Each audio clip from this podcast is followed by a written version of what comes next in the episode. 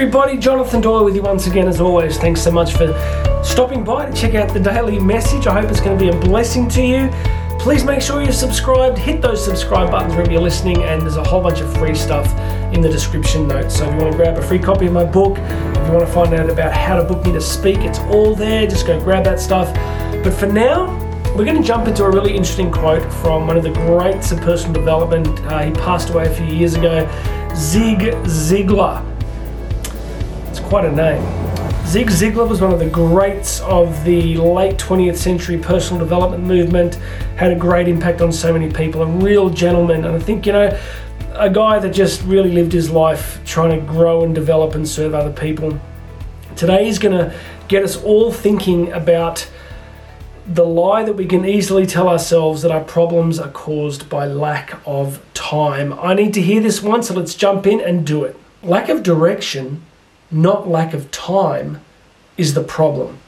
We all have 24 hour days. So good, so simple. Every single human on the planet gets 24 hour days. So the problem realistically is not that any of us are being ripped off in the time scale, right? Like, it's not as if, you know, some people that get 65 hour days and you only get 24. We're all getting exactly the same amount of time.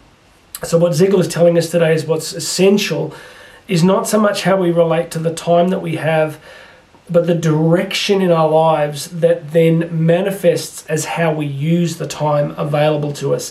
This is very real for me at the moment. I'm right in that phase of life where you know, I've always been a pretty busy guy. I've always been a pretty active person. But this is the first time in life where I'm just like, wow. I used to, I said, I said to someone yesterday that when our kids were really little, uh, they never slept. So we had three kids under the age of three. When we were married, we had three kids under the age of three. And I always thought that the sleep deprivation, the exhaustion, all the stuff that went with that, I kind of thought, well, when they're sleeping, then our lives will get to normal and we can get our lives back do all the stuff that we used to do the season we're in now, where our kids are like 15, 13, 12, as many parents would know, it's just a whole different experience. It's like um, the emotional, psychological coaching that you're doing, all the, the driving and the relationship management that you're doing. There's a lot that you need to do at this age to really help your kids to get through. And I'm astounded by just quite how much that can be at sometimes. And the question becomes how do you keep doing the things that are significant, valuable, that provide for your family, that bless other people, that grow what you're trying to do when your time is getting constantly pressured? So, what Ziglar is telling us today is if, if you have a really powerful, clear sense of direction of what it is that is essential to do, that's what's most important. Go back to Stephen Covey's Stephen Covey's seven, uh, seven habits of highly effective people, right? one of the, the crucial thing is just to, to really be super clear on what are the key things that you have to do. I mean, Covey used to talk about roles and goals, right? The key roles in your life and the key goals that flow from those roles.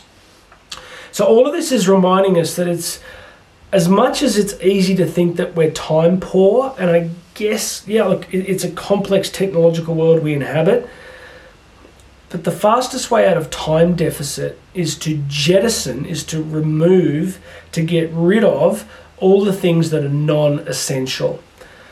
How do you do that? Well, you need a very clear, strong sense of direction because direction drives the allocation of time, right? That's what how it works. On stage, I used to always say that you always make time for dialysis, which was years ago. I had this friend who tragically had to do kidney dialysis like I can't remember as every day. I think it was like a three to four times a week.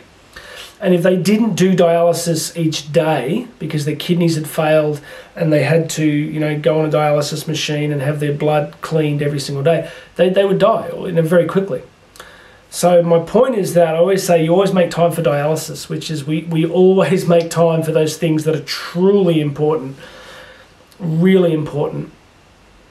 So if you are struggling with a sense of overwhelm, a sense of exhaustion, and too much coming at you, then I really think the key is to go to direction first. Is what is the direction of my life? What is it that is most essential for me to be contributing, doing in the world?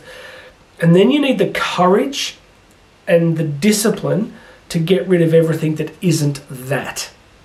Very easy to say, not as easy to do. But that's the mechanism. Why are you here? What's most important to you? What is your legacy going to be when it's all said and done? What are the things you want to leave behind? For me, it's basically my relationships with my uh, my family and a sense of contribution to as many people as possible. You know, those are the things that for me are the most central things. So I need to constantly filter my time in terms of those parameters. Okay, hope that's useful.